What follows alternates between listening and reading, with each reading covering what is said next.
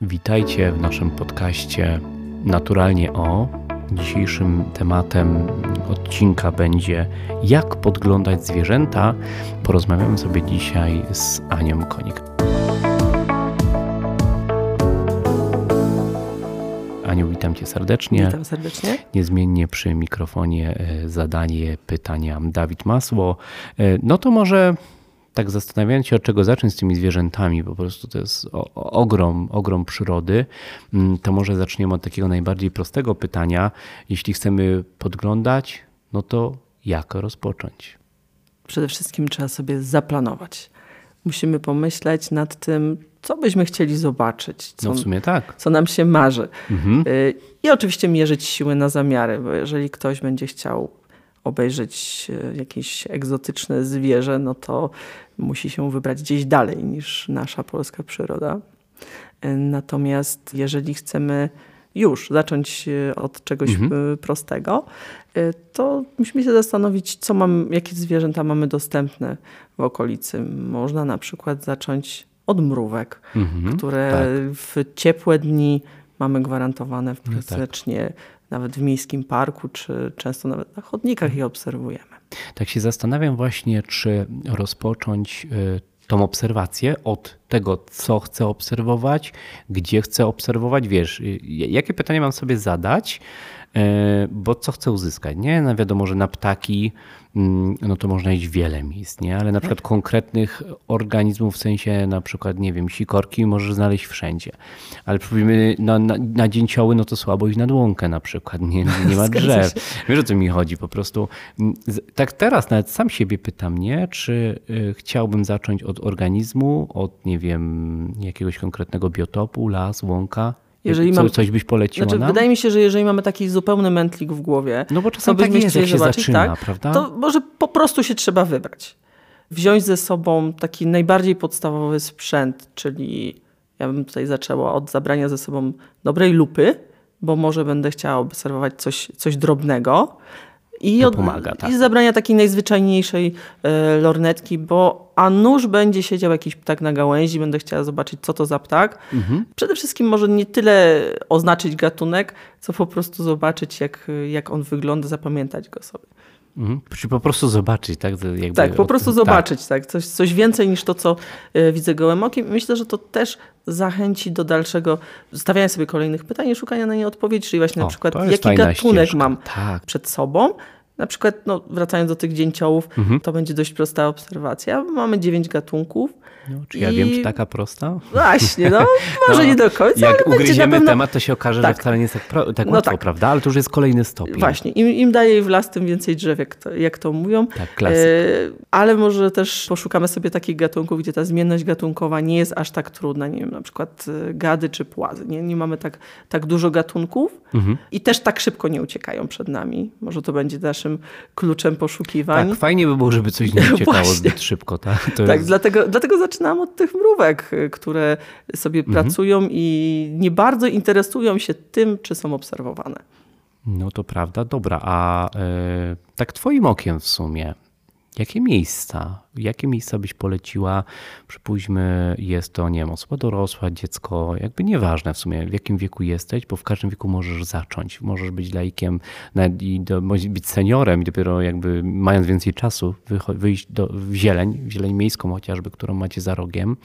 E, I czy ty mogłabyś nam polecić jakieś takie miejsca? Na pewno te, które są blisko nas bo będzie to miłe zaskoczenie, że udaje nam się obserwacja e, w miejscach, które na przykład mijamy codziennie i nie zwracamy uwagi. Czyli uważność, nie? I uważność, dokładnie. Tak, ta odrobina otoczenia. uważności, którą sobie wyrobimy w tych miejscach, w których bywamy. A potem pójdźmy dalej, poszukajmy nowych miejsc, e, też e, przede wszystkim takich, do których mamy dostęp. Może będzie to Las Wolski i podróż w okolicach symbiozy. Chociażby. E, ale to fajne, co powiedziałaś, bo wtedy okaże się, że przyroda jest tuż za rogiem, że ona czeka na to odkrycie, nie? Właśnie na, to, tak. na, na, na rozpoczęcie obserwacji. To jest, myślę, niezwykle istotna rzecz, którą uchwyciłaś. No i jak zawsze chyba wypada, e, już naświetliłaś trochę ten temat, e, zapytać o sprzęt, bo każdy, kto chce czegoś spróbować, nie chce jakby wywalać dużych sum pieniędzy, tak? Tak. Jakby chcesz wejść w coś, to chcesz po prostu spróbować. Oczywiście, że symbioza, nie byłbym sam, gdybym nie wspomniał, że symbioza jakby oferuje taką możliwość, ale okej, możesz być w domu i znowu, czy ten sprzęt jest aż tak ważny, aż tak potrzebny i czy musi być drogi?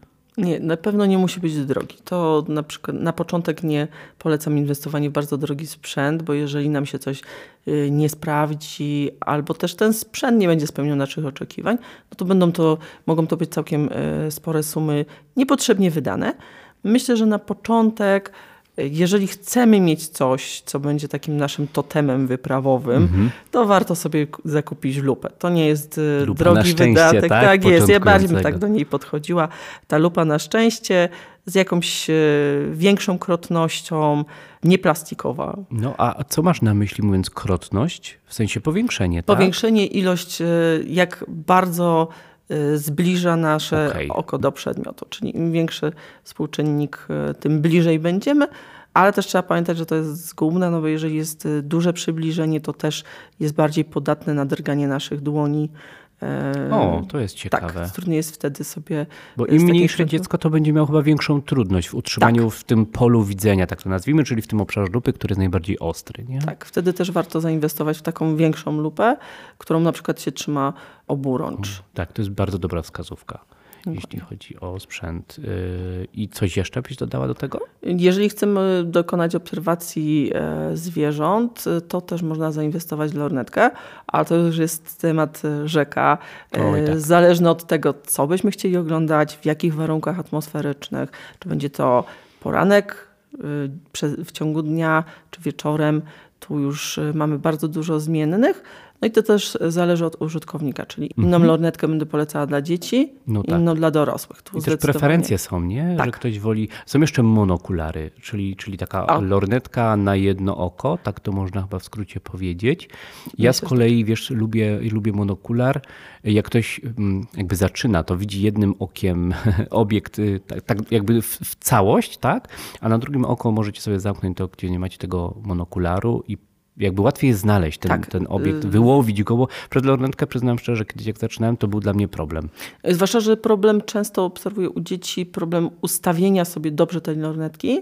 Ewentualnie też, y, jeżeli ktoś ma mm, jakąś wadę wzroku, to ciężko jest ją tak ustawić, żeby dobrze widzieć przez obydwa okulary.